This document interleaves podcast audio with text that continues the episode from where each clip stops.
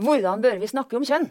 Vi bør snakke høyt om kjønnsbasert vold, om kvinners reproduktive rettigheter, og om at kvinner og barn lider særskilt i krig. Vi bør snakke høyt om klitoris. Det er lystsenteret for jenter. Forplantningslære får vi tidsnok.